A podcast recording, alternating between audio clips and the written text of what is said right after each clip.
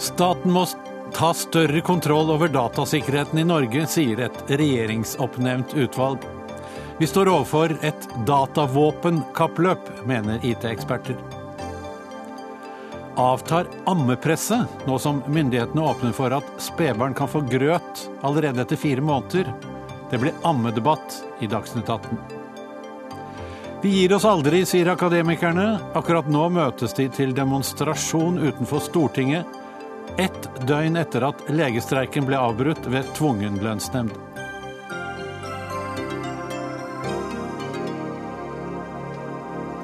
Velkommen til Dagsnytt 18 ved Anders Magnus. Her skal vi også snakke om såkalte killer clowns som har dukket opp flere steder i landet i det løpet av det siste døgnet. Først til norske myndigheter som må få bedre kontroll over private selskaper som eh, eier kritisk betydning for nasjonale interesser. Det anbefaler et regjeringsoppnevnt sikkerhetsvalg. I dag la de frem en utredning for forsvarsministeren og justisministeren.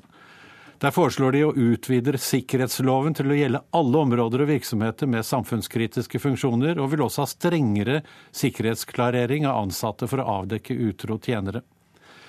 Vi har med en uh, sikkerhetsekspert uh, fra studio i Bergen, Per Torsheim. Velkommen. Takk. Du er ekspert på datasikkerhet og har også gode kunnskaper om hvordan man kan bryte seg inn i datasystemer. Er det mulig for en fiendtlig eller kriminell aktør å slå av hele eller deler av telesystemet i Norge? Enkelt og greit ja. Ja. Det høres ikke spesielt uh, bra ut.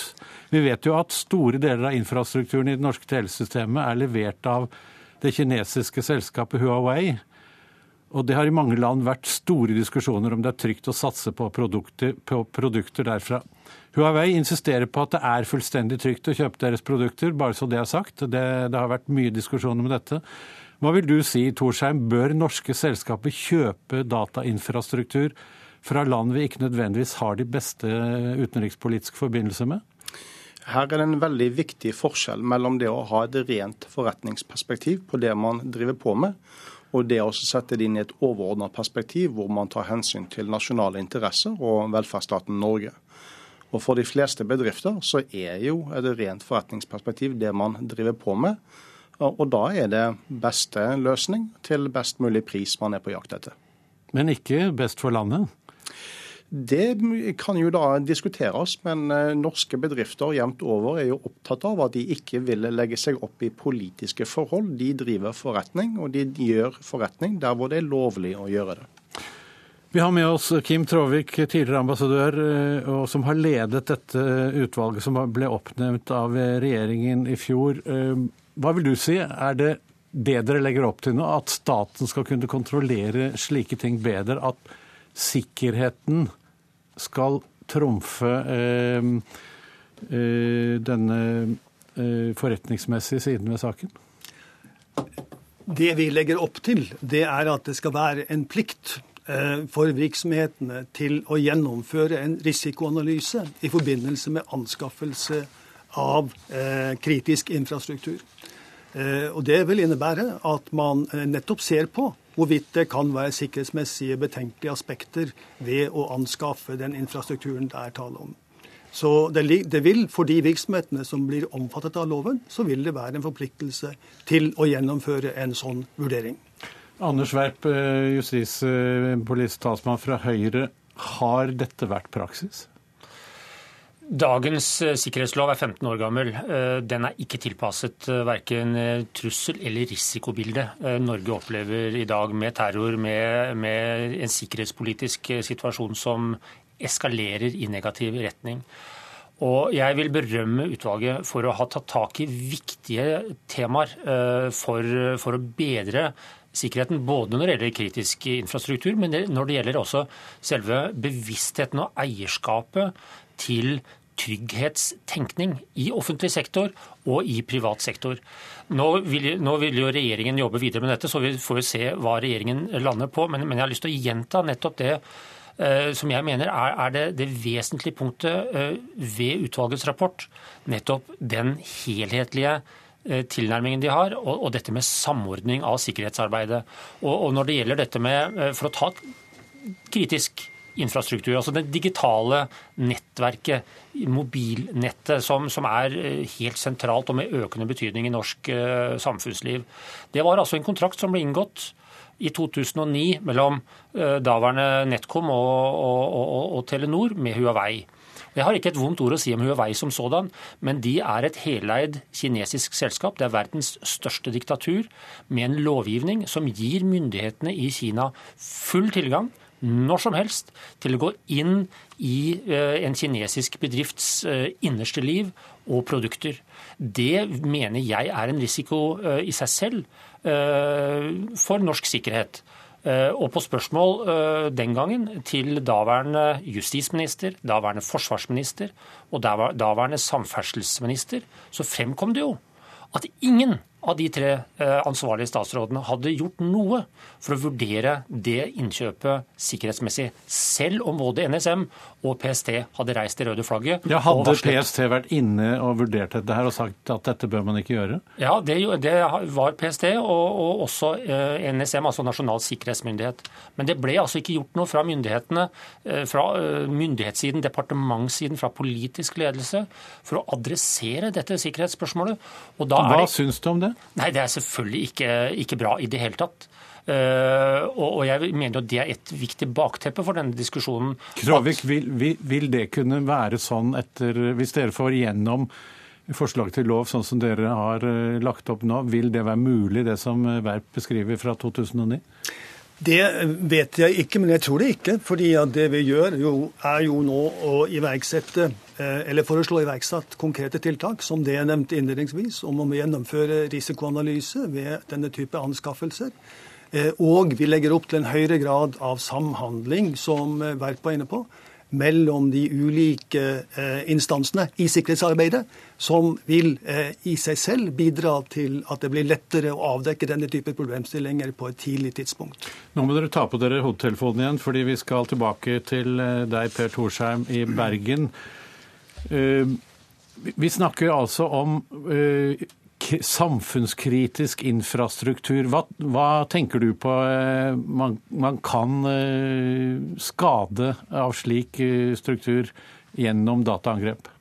Eh, det vi har sett i, ute i verden, er jo at dataangrep har blitt brukt til å gjøre skade på, og også fysisk ødelegge fysiske styringssystemer. Det kan være strøm, uh, ulike typer kraftforsyning. Uh, et av de angrepene som også har blitt nevnt her i denne, i, i denne rapporten, er jo bl.a. et angrep som ble gjennomført mot et uh, anrikingsanlegg for uran. Eh, hvor man da klarte å, eh, ved hjelp av fiendtlig programvare, å ødelegge anrikingsanlegg for uran i, som del av et eh, Nå snakker du om Stuxnet, gjør du ikke det? Ja. Men hvis, altså snakker, Vi snakker her altså om kraftforsyning, telenettet, vannforsyning eller vel også? Og, ja. og også helseinfrastruktur. Ja. Ville det være mulig sånn som du kjenner det, for en hackergruppe som er støttet, av, støttet med store ressurser, kanskje av en eh, fiendtlig makt, å slå av deler av eh, kraftleveransen i Norge? Det vil være en ønskedrøm å kunne si at det vil ikke være mulig. Det korrekte svaret på ditt spørsmål er at ja, det vil være mulig. Hvordan, hvor vanskelig og i hvor stort omfang er vanskeligere å svare på.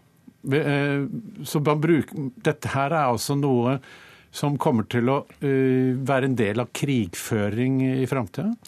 Ja, man, man, bruker ord som hybridkrigføring, hvor, hvor, det nødvendigvis ikke er en fysisk person og en, en hær som står på dørstokken lenger. Og det er også en, snakk om en, en, krigføring hvor man da igjen kan gå via ulike land og ulike grupperinger for å skjule sine spor. Torgeir Waterhouse, du er direktør for internett og nye medier i IKT Norge. Er dette her en ny kald krig vi er vitne til? Vi ser i hvert fall en del trekk som kan minne om det, hvor du har en stillingskrigssituasjon og, og det er eh, bevisste tiltak for å styrke og svekke hverandre. Og man bygger seg opp på, på, langs flere fronter, kan man godt si. Vi har jo en god miks av, av, det vi møter av utfordringer, som er både kriminelle organisasjoner og stater som står bak, og gjerne uten å nødvendigvis alltid vite om det, i samarbeid også med de samme folkene som blir leid inn. Så er det viktig at, at, å være oppmerksom på det Per snakket om nå, med, med urananlegget og Stuxnet, som, som, du nevnte. Dette er gjort ting som er gjort over det åpne internett. Og, og, noe av det vi har vært opptatt i veldig, veldig mange år, er nettopp utfordringen med at om det er stor infrastruktur som strømselskapene og strømnettet er, om det er vann osv. Det betales for lite. Det er altfor lav betalingsvillighet til å kjøpe sikkerhet, å bruke tid penger og andre ressurser på å sikre systemene godt nok. Er det staten som ikke vil betale, eller er det vi som konsumenter som ikke vil betale? Det er egentlig alle. Det er en stor utfordring med offentlig anbud og offentlig innkjøp. Det er en stor utfordring i ganske mange innkjøp i privat sektor. Og det er også, også en utfordring hos eh, deg og meg som forbrukere. Den siste gruppa, altså oss to, eh, og for så vidt de to andre her og alle som hører på, er ikke like kritisk, og det er ikke, det er ikke så overraskende for sånn at vi, vi stort sett ikke vet om alt det vi kanskje burde gjøre. Men dette handler om at vi må nødt til å få til et skifte i det norske markedet, hvor man i større grad er villig til å betale for sikkerhet, om det er på systemene man har inne i bedriften, om det er på nettforbindelsene man kjøper inn, om det er brannmursystemer osv.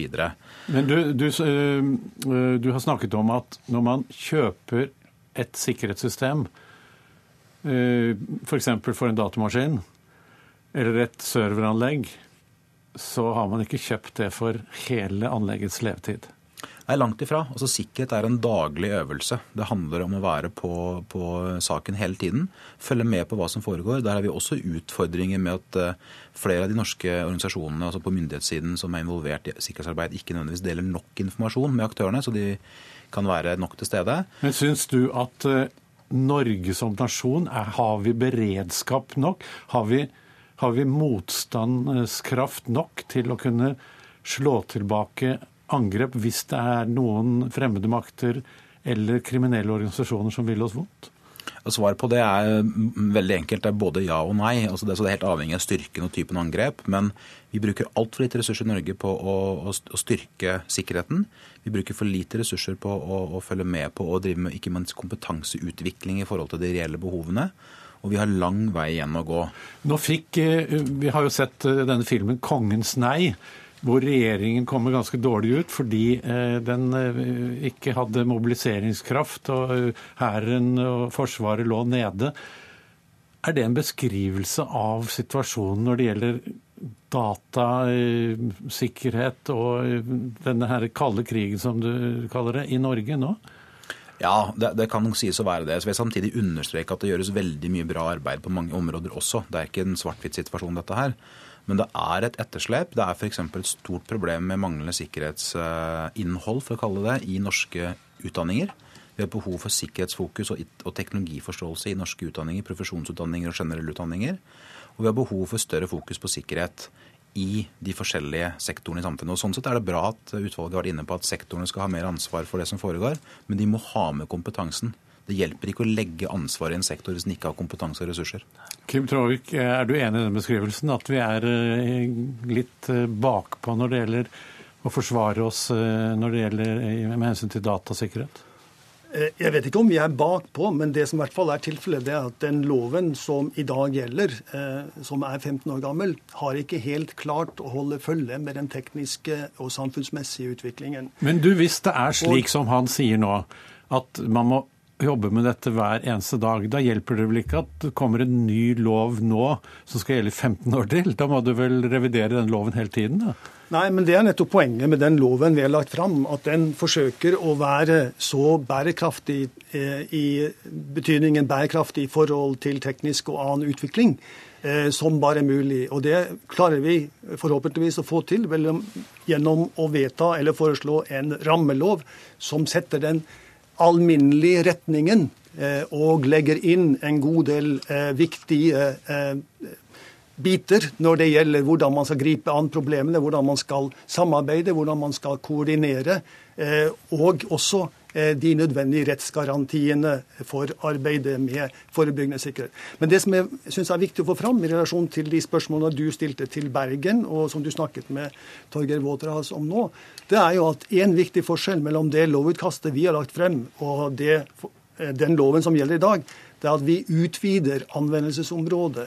Og navnlig utvider det ved at flere virksomheter utenfor statlig forvaltning blir trukket inn i sikkerhetsloven og får forpliktelser i forhold til det forebyggende sikkerhetsarbeidet. Også... På den måten så styrker vi altså vår evne til å håndtere eh, sikkerhetsproblemene, fordi vi erkjenner at det er brede sammenhenger mellom offentlig og privat sektor. Eh, og det er sårbarheter som oppstår i kjølvannet av de sammenhengene. Nå sier jo eh, Waterhouse at eh, et av problemene er at vi ikke er flinke nok. Hvis privatbedrifter til, til tross for, og gjerne også statlige virksomheter, til tross for at de er, blir da underlagt dette regimet, uh, ikke klarer å løse oppgavene på en tilfredsstillende måte, hvilke sanksjoner har dere, har dere foreslått da? Vi eh, vil jo i utgangspunktet først identifisere insentiver, gulrøtter, snarere enn pisk. Og En av de tingene vi foreslår, er jo at eh, det offentlige eh, ved Nasjonal sikkerhetsmyndighet skal ha en utvidet forpliktelse til å rådgi og veilede virksomheter når det gjelder hvilke sikkerhetstiltak de behøver gjennomføre for å tilfredsstille lovens krav. Det er en viktig del av dette. Så eh, vil vi også at det skal være et omfattende tilsynsregime som ser etter hvordan dette gjennomføres, og om det tilfredsstiller de krav loven stiller. Kan dere også gå inn i private bedrifter og f.eks. nekte salg til utlandet hvis dere mener at dette er samfunnskritisk infrastruktur? Vi har lagt inn en, en bestemmelse i lovutkastet som eh, innebærer at det etableres en meldeplikt i forbindelse med utenlandsk oppkjøp av eh, virksomheter i Norge Eh, som er av betydning for grunnleggende nasjonale funksjoner, som det heter i loven. Og Det innebærer at i siste instans, men det vil garantert ikke skje veldig ofte, så vil det skape en hjemmel for eh, å stanse et utenlandsk oppkjøp. Hvis man finner at det reiser problemstillinger som eh, er betenkelige, sett ut fra hensynet til overordnede norske sikkerhetsbehov. Anders Werp, vi er også inne i en kald krig når det gjelder datasikkerhet. Eh, og regjeringen sier at den er opptatt av å eh, øke bevilgningene til Forsvaret, men har, har politikerne vært for lite opptatt av denne eh, krigføringen i cyberrommet, altså over internett, slik at vi er veldig sårbare her? Vi er sårbare, eh, men bevisstheten eh, er i hvert fall på plass eh, når det gjelder regjeringens arbeid. Det er jo Ca. et år siden så kom det såkalte Lysne-utvalget med sin anbefaling om å forsterke den digitale beredskapen. Som blir fulgt opp av det Lysne 2-utvalget, som kom før sommerferien i år, om et digitalt grenseforsvar. Så får vi Tråvik-utvalget i dag, som, som tar sikkerhetsloven, som går på objektsikring, informasjonssikring, personsikring. Eh, så dette føyer seg jo inn i en rekke, og jeg kan bare nevne politireform, eh, langtidsmeldingen for, eh, for Forsvaret, politiets datakrimstrategi. Men det, det, det, legges på bordet et, et bredt spekter av forslag og tiltak som viser at bevisstheten er stor hos regjeringen. Vi skal, vi skal nå tilbake igjen til Bergen eh, til deg, Per Torsheim, fordi vi må snakke litt om personell også. Og vi vet at veldig mange eh, som jobber innenfor eh, databransjen, er utlendinger. Eh, det er eh, ukrainere, det er polakker, det er veldig mange indere.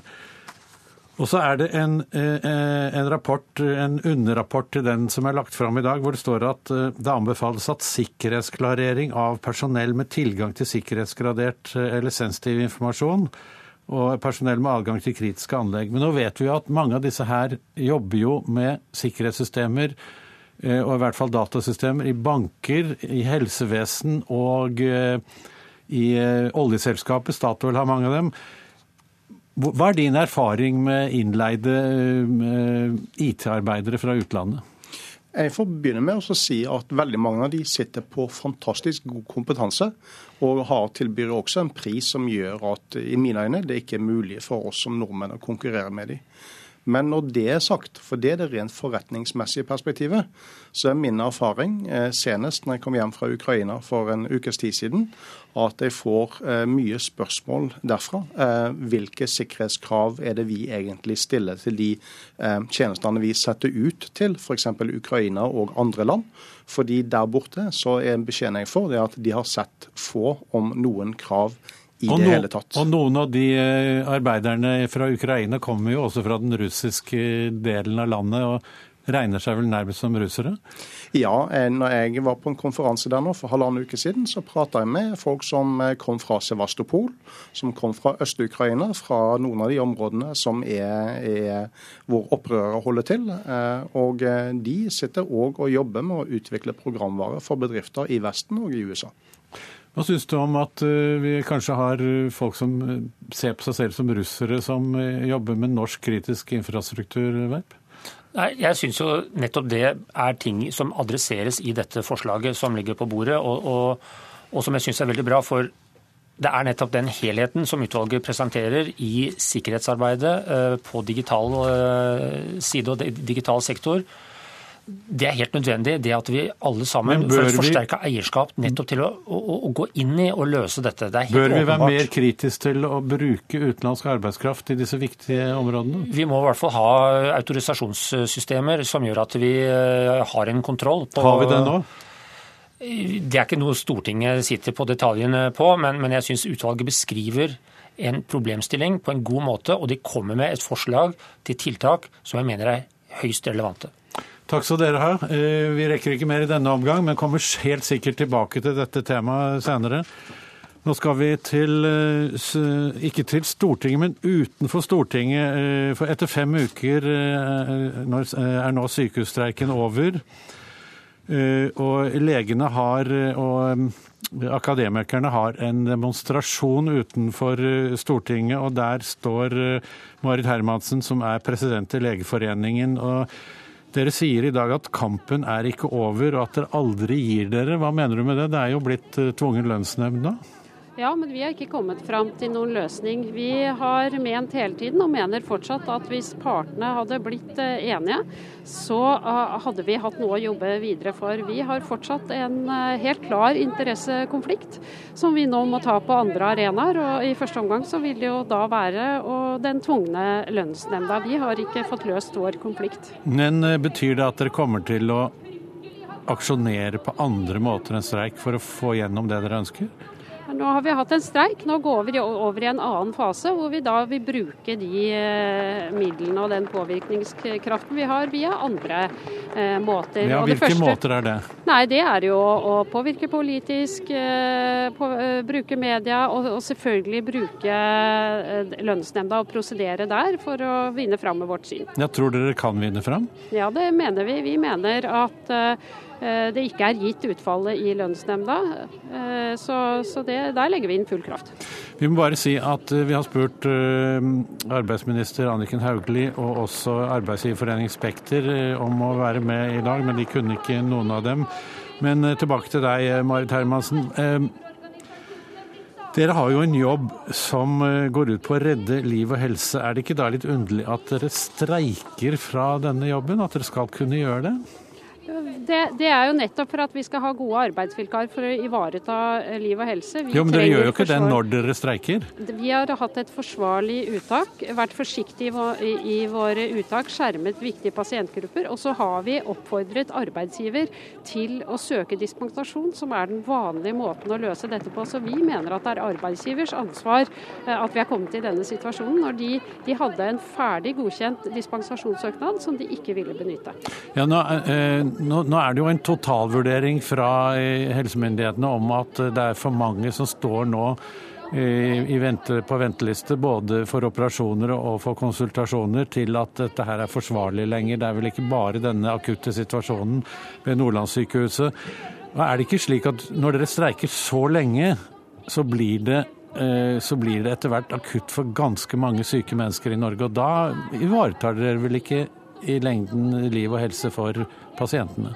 Arbeidsgiver har kunnet søke om dispensasjon hele tiden. Det har faktisk gjort at vi har måttet ta svært små uttak, fordi vi ikke har kunnet ta ut uh, personell som går i vakt. Hvis arbeidsgiver hadde, brukt, uh, altså hadde søkt om dispensasjon, så hadde vi kunnet lagt inn streikekraft mye tidligere og hatt et mye mer effektivt uh, instrument. Så her er det arbeidsgiver som, som manipulerer dette. Er det ikke mulig å få til andre måter å løse tvister med arbeidsgiverne enn å streike og la det gå ut over pasienter, syke mennesker?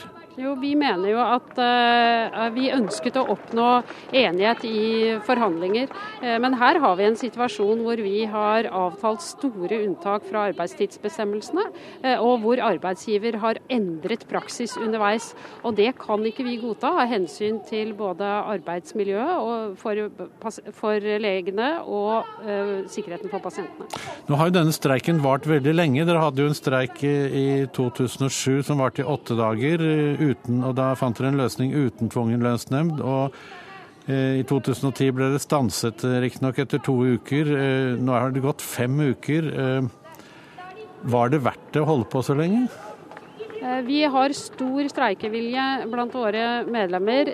Det, under konflikten så har det blitt enda tydeligere at dette er helt sentralt for våre medlemmer. Hvis de skal fortsette å arbeide og bemanne sykehusene rundt i det ganske langt, så må de ha en sikkerhet for at det ikke drives rovdrift og settes opp uforsvarlige arbeidsplaner. Eh, vi så da var ikke... dette et nederlag for dere, denne tvungne lønnsnemnden? Ja, vi er svært skuffet over det. Takk skal du ha, Marit Hermansen. Så får vi se hvor, hvem som trekker det lengste strået i den uh, tvungne lønnsnemnden.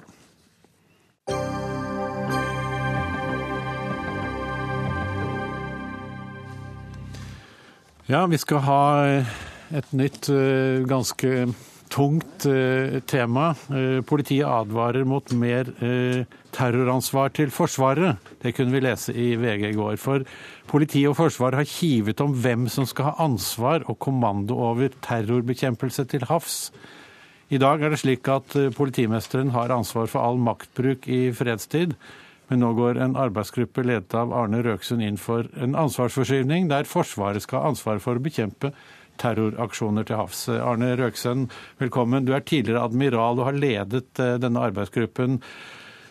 Dersom vi i morgen fikk et terroranslag mot en norsk oljerigg i Nordsjøen, hvem har det operative ansvaret da? Det overordnede ansvaret det er eh, politimesteren som har. og Da er det slik at det er forhåndsbestemt at det er enten politimesteren i Troms eller politimesteren i Sør-Vest politidistrikt som har det overordnede ansvaret. Men Har de noen styrker som de kan sende ut, da? Ja, altså De vil uh, sannsynligvis først uh, spørre beredskapstroppen, politiets beredskapstropp, som har veldig kort uh, varslingstid. Så vil de kunne spørre Forsvarets spesialstyrker eller Marinejegerkommandoen, som også er dedikert for den type oppdrag. Og da møter vi en av de første utfordringene allerede. Det er den relativt tung beslutningsprosess for å få det til. Da skal anmodningen gå fra politimester til politidirektorat, så til Justisdepartementet. Dette tar lang tid, da? Ja, så nå er jeg bare halvveis. Oh, ja. ja. For det skal videre til Forsvarsdepartementet, så skal til Forsvarsstaben, og så skal til Forsvarets operative hovedkvarter, og så skal det til avdeling. Hvor lang tid tar det?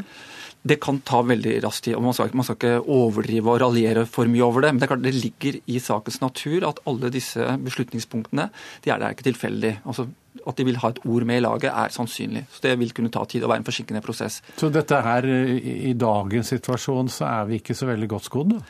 Det er dagens beslutningsprosedyre. Og det er jo en av de hovedsakene som vi kommer med i innstillingen. Det er en forenkling av beslutningsprosesser. I det hele tatt så er vi veldig opptatt av at altså, hastverk skal prege det. altså Handling skal prege, eh, prege kontraterrorarbeidet. Men, men eh, det, hva går dere inn for, da?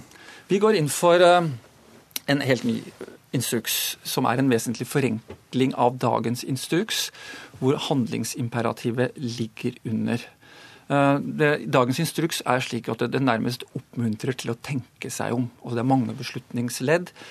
Politiets ressurser skal i utgangspunktet være uttømt før man ber Forsvaret om eh, bistand.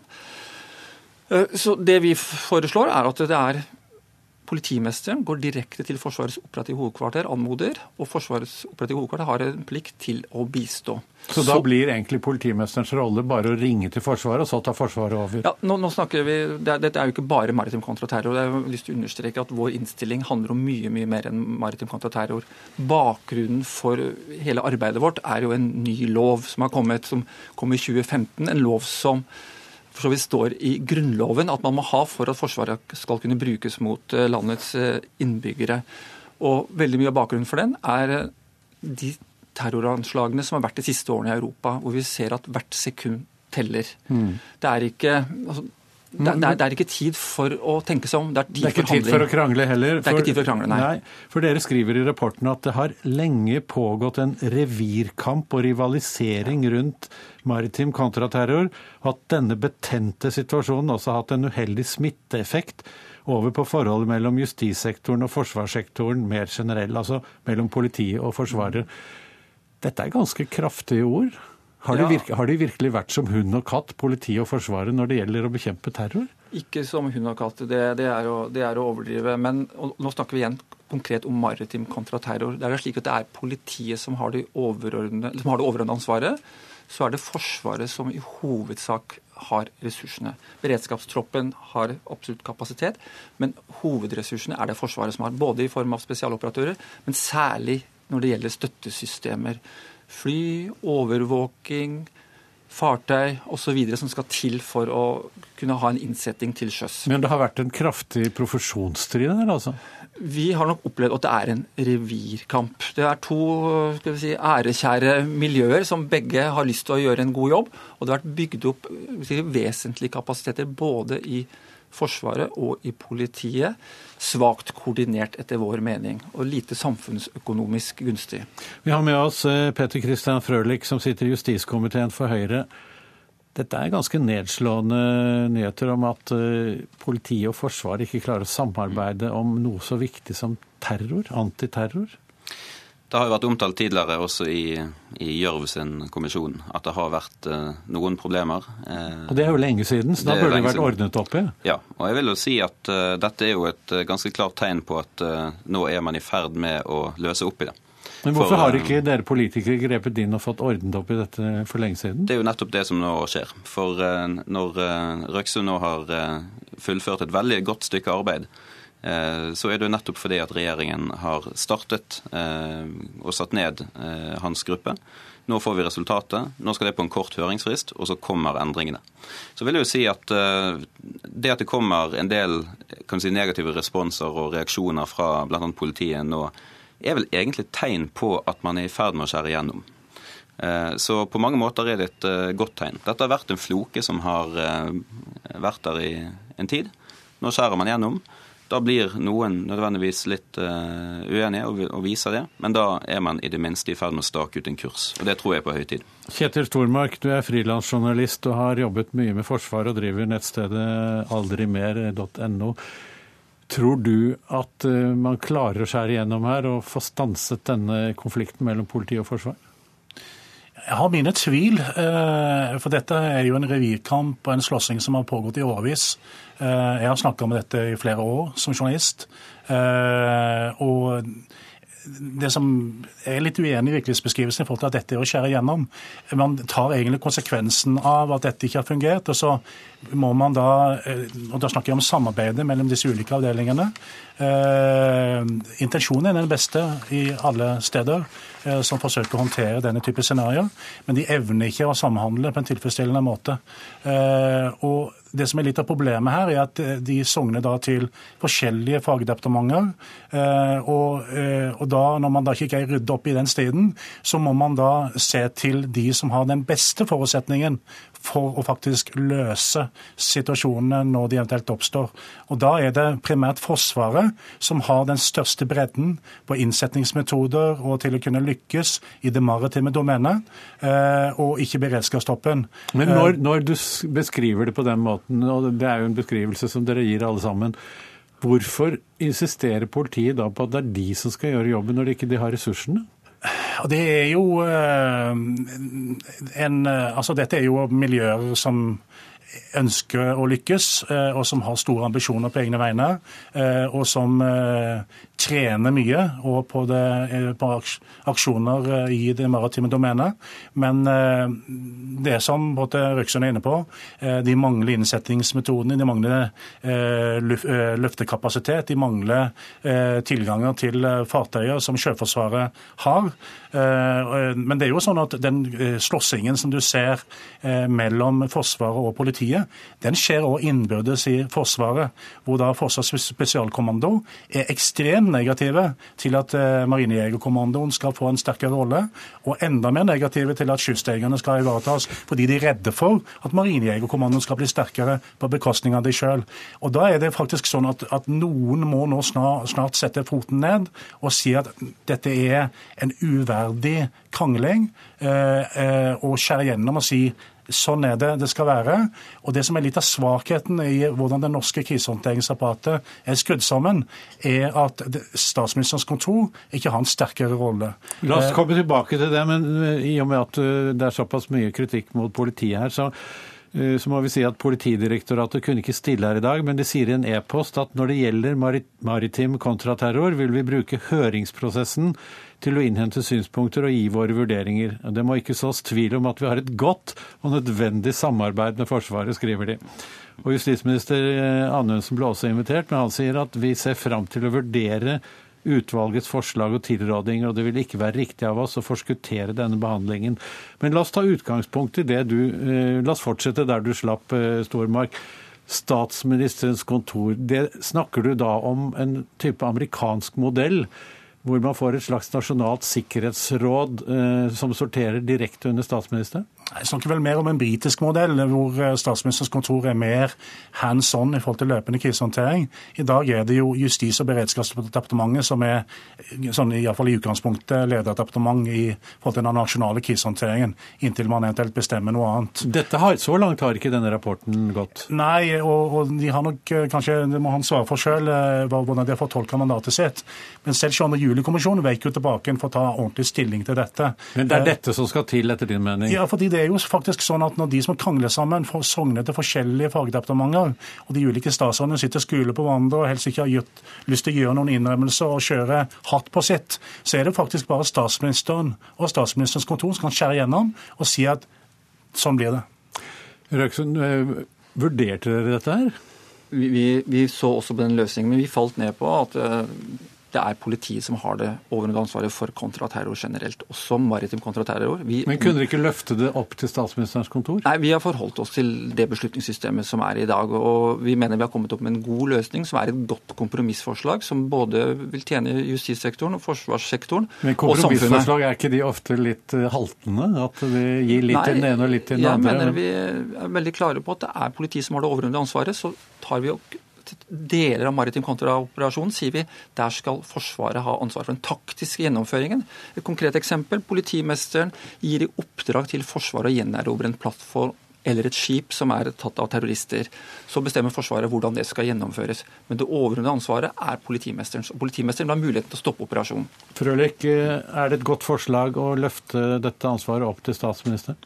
Nå skal jo regjeringen eh, lese rapporten og komme tilbake inn med sitt eh, forslag. Så vi får se. Hva syns du? Personlig så eh, syns jeg det er mye positivt å, å hente fra det britiske systemet. Vi har bl.a. vært og, og sett på, på, det, og de har også sterke spesialstyrkemiljøer som står på beredskap. Men jeg tror det vi må gjøre, er å løfte blikket litt. Og så må vi tenke på hva folk der ute forventer av myndighetene hvis det skulle smelle.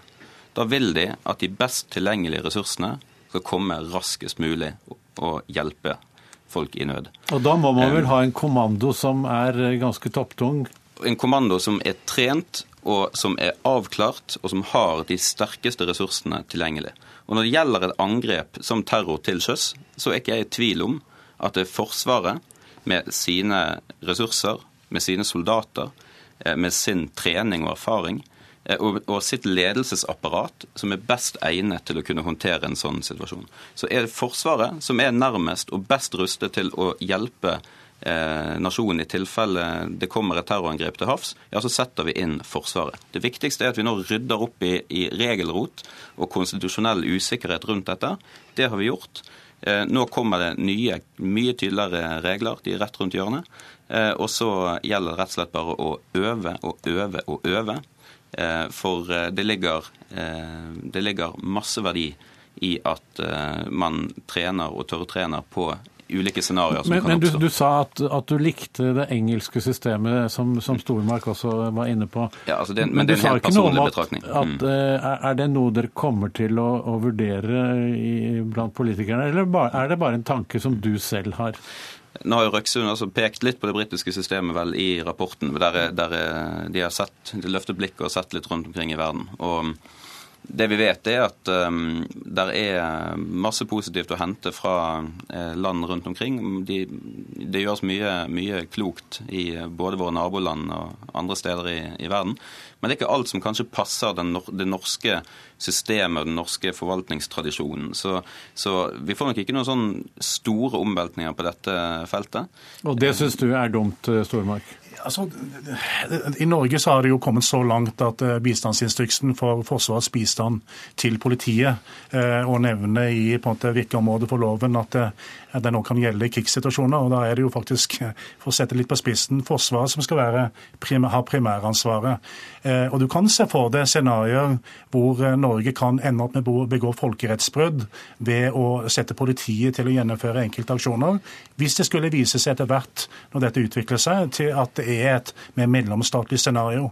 Eh, det er lettere å gi en sånn praktisk spesialstykkeoperatører for Forsvaret politimyndighet enn å gi eh, politiet eh, muligheten til å være kombatanter. Da må det en aktiv regjeringsbeslutning til, og da må man få en aktiv handling i bunn. Her er det en gråsone som kan bli stadig mer utfordrende i et stadig mer usikkert sikkerhetspolitisk bilde, hvor vi ser at f.eks. Russland utforsker handlingsrommet i å begå handlinger som forsøkes kamuflert som kriminelle handlinger. Da tror jeg jeg må si takk til dere så langt, eh, alle tre. Arne Røksund, Petter Frølich og Ketil Stormark.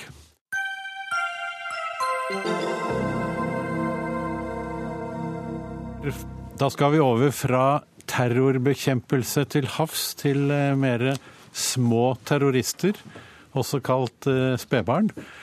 Fordi nå har Helsedirektoratet lagt fram nye retningslinjer for spedbarnsernæring. Og dette er retningslinjer til helsepersonell. Og de slår fast at eh, barn kan få fast eh, føde etter fire måneder hvis barnet trenger mer mat eller mors situasjon eh, eller ønske tilsier det. Før var det vel bare morsmelk eller morsmelkerstatning som gjaldt til seks måneder.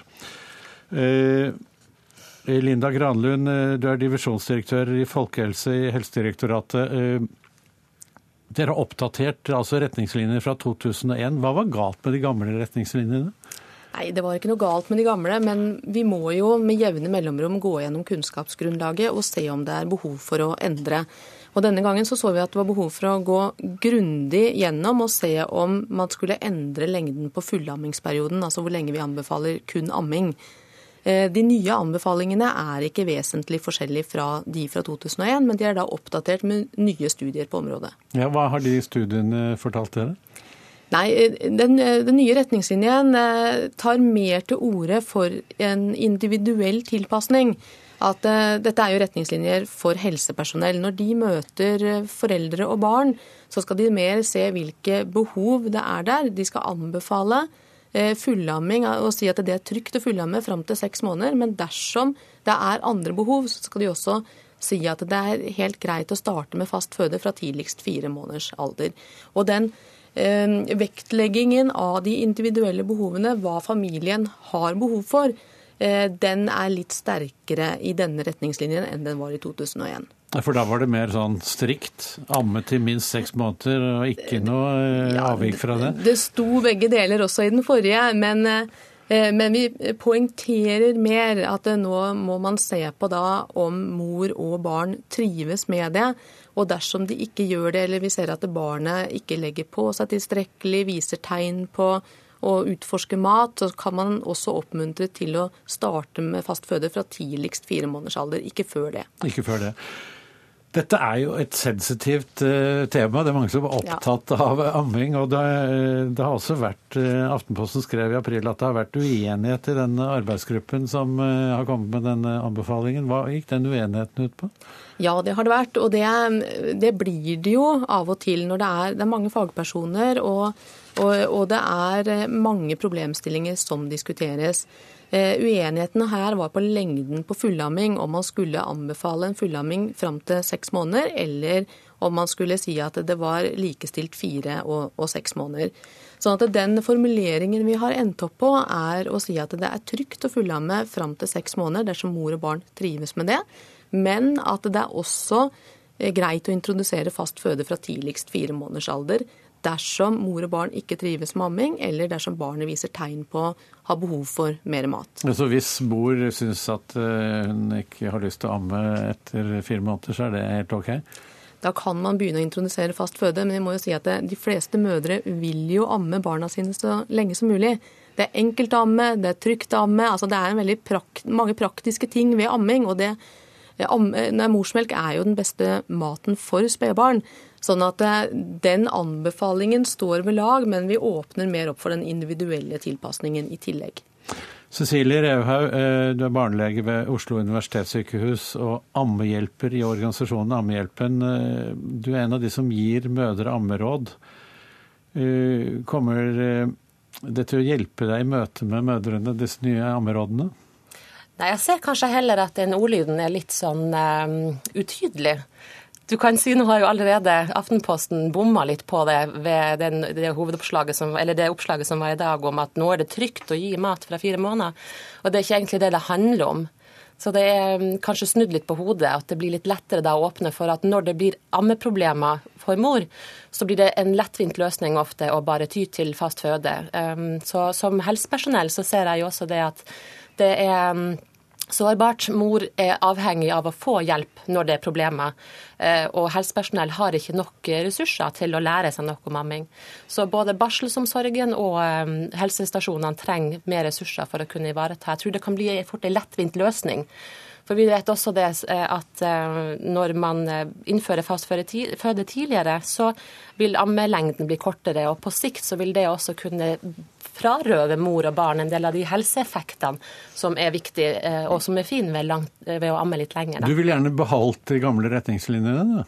Ja, jeg syns egentlig at det var en fin ordlyd. Jeg tenker i et folkehelseperspektiv så er det viktig. Og det som er problemet, for jeg ser jo både fra det, den fag, fagsida som helsepersonell, som lege og forsker, at eh, det er kjempeviktig at man er oppdatert, at man ser på den forskninga som er stor forskning, ikke én og én studie som sier litt her og litt der, men sånn som Helsedirektoratet har gått igjennom grundig masse, masse, masse forskning, og at jeg som helsepersonell kan føle meg trygg på det. Mm. Og si det at det er, eh, det er, mm, anbefalt, og det er sterk anbefaling. Og det er ganske viktig at man kan fullamme til seks måneder. Når... Og så høres det litt ut som at puppen eksploderer fra seks måneder en dag, og da er det farlig å amme. Men det er ikke sånn det er. Mm. Men eh, vi vet jo det at eh, folk i dag de er veldig flinke til å gå på nettet og finne ja. ut hva hva som gjelder. Ikke sant, og det er det som er så skummelt. Er det det? fordi at da ja, går mora, mora går. Ei ammende mor går, og så ser hun at, at, eh, fagdiskusjonen kommer opp i media, og så står det at det må du gjøre, det må du ikke gjøre. Og, og da, da hører de ikke lenger på, på, deg? Nei, det er ikke det egentlig mest. Jeg tenker mer at da blir de usikre, og så går de til helsestasjonen, og så har helsesøster fem timer undervisning om amming på studiet sitt. For det er, ikke, det er, ikke, ressurser til mer. Og da kan det bli uh, uheldig da, at man gjør en lettvint løsning. Eh, og det at, at, at, det individuelle behovet Selvfølgelig er det viktig. Selvfølgelig skal mor og barn og familien sitt behov ses. Absolutt. Det er jo det jeg gjør hele tida i min jobb. Å passe på enkeltfamiliene og mor og barn. Kanskje de også leser en blogg, eh, f.eks. bloggen din Kristine Storli Henningsen, du er med oss på linje. Du driver eh, bloggen Anti-supermamma, eh, som skal være motpol til idealet om den perfekte mor. Trenger vi sånne retningslinjer i det hele tatt? Altså Om vi trenger retningslinjer eller ikke, jeg tror vi trenger retningslinjer. Men jeg tror også vi trenger å innse at det er svært mange som sliter med å amme. Og jeg hører at det snakkes veldig mye om lettvinte løsninger her. Men jeg tenker at de aller færreste har lyst til å ty til lettvinte løsninger når det gjelder barna sine. Og jeg har vært en av dem som måtte begynne å gi barna mine mat litt før. Eh, og jeg skulle ønske at jeg kunne si at jeg var unik, men det er utrolig mange i den eh, situasjonen. Og barn er også ulike når det gjelder spiseutvikling. Altså akkurat som det gjelder når de lærer seg å gå og veldig mye annet. Og enkelte barn er mye mer sultne enn andre og trenger barn før. Så jeg er mer på den at eh, det er flott med retningslinjer, men kvinner må også kunne lytte til seg selv og hva som er viktig for sin familie. Eh, og eh, da jeg fikk mine tre og, kom på helsestasjonen, jeg syns det er ekstremt mye info om amming. Jeg syns det er veldig lite eh, informasjon om hva man gjør når man ikke klarer å amme, bortsett fra bare å fortsette. Um, og også det med at uh, det ble nærmest lagt fram som at det var farlig å gi barnet sitt mat før det var seks måneder. For meg da så kom jeg i en håpløs situasjon, i likhet med veldig mange andre. Så jeg er glad for at endelig det åpnes opp for mer individuelle løsninger. Cecilie Rehaug, hun er da en av de som uh trengte kanskje de nye ja. rådene? Og da tenker jeg at er ikke, Retningslinjene er jo laga for helsepersonell. De er ikke laga for at hver enkelt mor skal måtte sette seg inn i det og stå ansvarlig for sine valg helt alene. De skal få gode råd, og de må få riktige råd. og Der håper jeg i hvert fall at vi kan få mer ressurser til at helsepersonell kan sette seg inn til å gi de riktige rådene. Eh, så jeg tror ikke det er noen mødre som tyr til enkle, enkle løsninger i det hele tatt. Det tror jeg ikke. Granlund? Ja, jeg vil også poengtere at Retningslinjene er jo for helsepersonell, sånn at de skal gi råd. Og I retningslinjene så står det jo at morsmelk er den beste maten for spedbarn, så det er ingen tvil om det. Men så legges det opp til at dersom mor og barn ikke trives med det, eller det er problemer enten for moren eller for barnet, så skal det være individuell tilpasning i forhold til det. Mm. Venter du at det blir mye diskusjon om dette her framover? Det er alltid mye diskusjon om ammeråd. sånn at Eh, jeg har vel eh, Det veit vi at det alltid kommer. Eh, men hvis det bidrar til å skape forvirring hos mødrene, så er det jo uheldig. Det må... dette, skal jo tross, dette skal jo tvert imot bidra til å gi helsepersonell et bedre grunnlag for å rådgi de som kommer ut fra sykehuset. Da får vi håpe at helsepersonell kan få det. Takk til dere, Kristine Stole Henningsen, Cecilie Revhaug og Linda Granlund. Hør Dagsnytt 18 når du vil. Radio NRK Radio.nrk.no.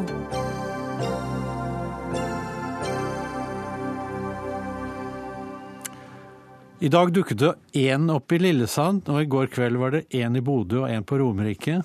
Vi snakker om killer clowns, eh, folk som kler seg opp som klovner og skremmer andre, fortrinnsvis små barn. Noen ganger med våpen, falske eller ekte. Eh, Benedikte Jacobsen Hamnes, du er programleder i NRK eh, MP3. Eh, hva slags fenomen er dette? Dette er et fenomen som egentlig går ganske langt tilbake. Killer clown ble jo et begrep som på en måte startet på 70-tallet, da en seriemorder drepte 33 unge. Og han pleide ofte å kle seg ut som klovn på fester og underholde barn. Og så da på 80-tallet så skrev jo Stephen King boken It med Pennywise, som var en skummel klovn.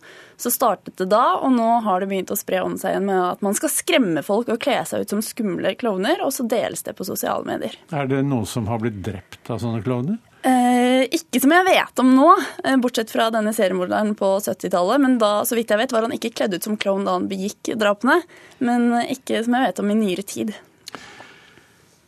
Eh, men eh, denne filmen. Den kommer i en ny versjon nå.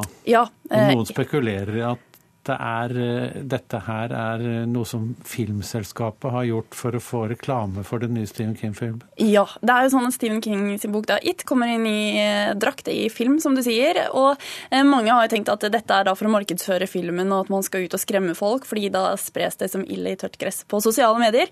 Men filmselskapet har selv gått ut og sagt at de står ikke bak det her. Dette er noe folk har begynt med på eget initiativ. Så da får man kanskje tro på det, da. Hvorfor er klovner så skumle? Det er et veldig godt spørsmål. Jeg syns jo de er veldig skumle, fordi det er litt en blanding av mennesket og det umenneskelige. Og så er det disse store smilene og hvite ansikter og eh, litt sånn rart hår og sånne type ting. Så det er vel kanskje at det er en blanding av, kan man egentlig si, et menneske og et slags monster, egentlig. Ja, det er mange, Du nevnte monster, men det er jo Monstre er mye skumlere, og, eller eh, andre, andre, vesener som man kan eh, kle seg ut som også. Farlige dyr og sånne ting. Det er vel kanskje det med den ansiktsmalinga. da. Jeg vet ikke, Når jeg tenker på klovner, og jeg har sett bilder av disse scary eller creepy clowns, killer clowns, så er de jo kjempeskumle. De er jo kritthvite i ansiktet, store røde smil, litt skumle øyne, kanskje de har putta inn noen falske tenner. Altså Det er jo skummelt. Tenk å møte på et sånt uh, ute i mørket mm. langs en øde landevei f.eks kjempeskummelt.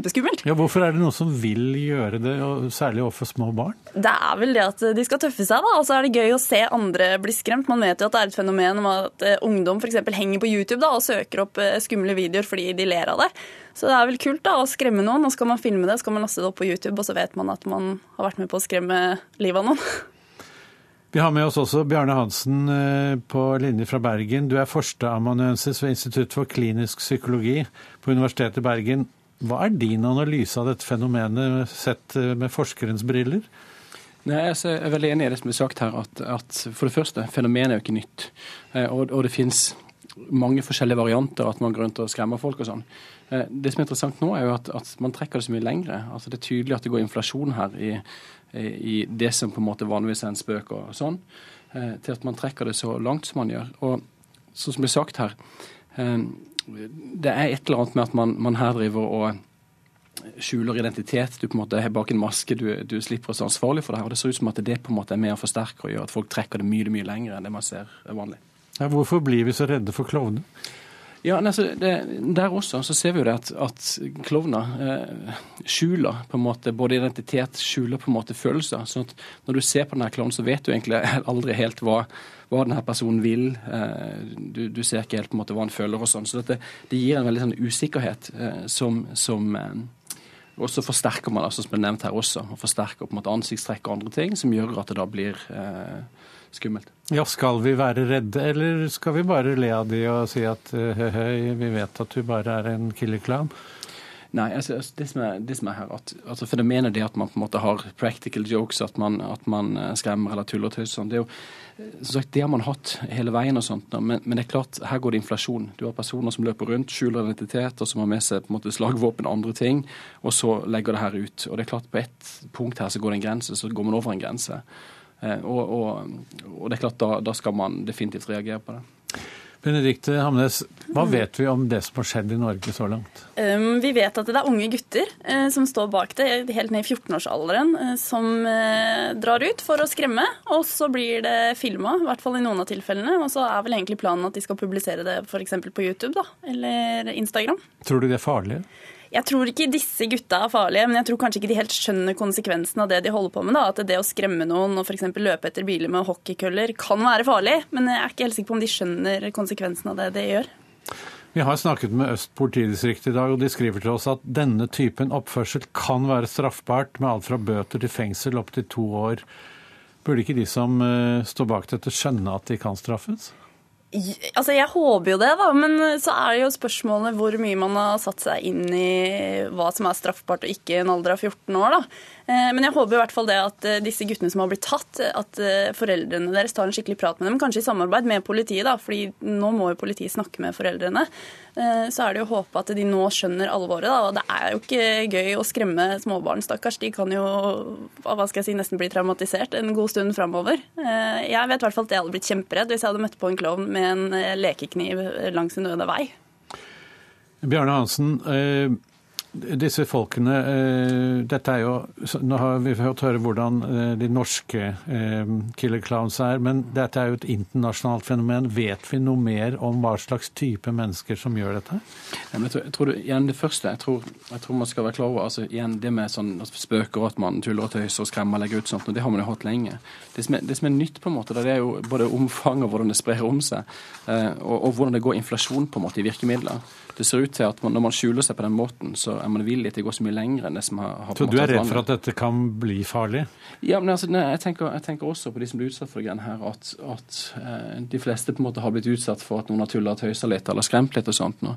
Eh, og det på en måte klare å skille mellom det som er på en måte en, en egentlig ganske normal eh, og for så vidt helt grei type aktiviteter, til det å gå ut i det offentlige rom og, og være villig til å ta i bruk virkemidler og gjøre det på en måte eh, som helt klart går over noen, noen grenser. Takk skal dere ha, Benedicte Jacobsen Hamnes og Bjarne Hansen. Ansvarlig for sendingen var Fredrik Lauritzen, teknisk ansvarlig Frode Thorshaug, og i studio satt Anders Magnus.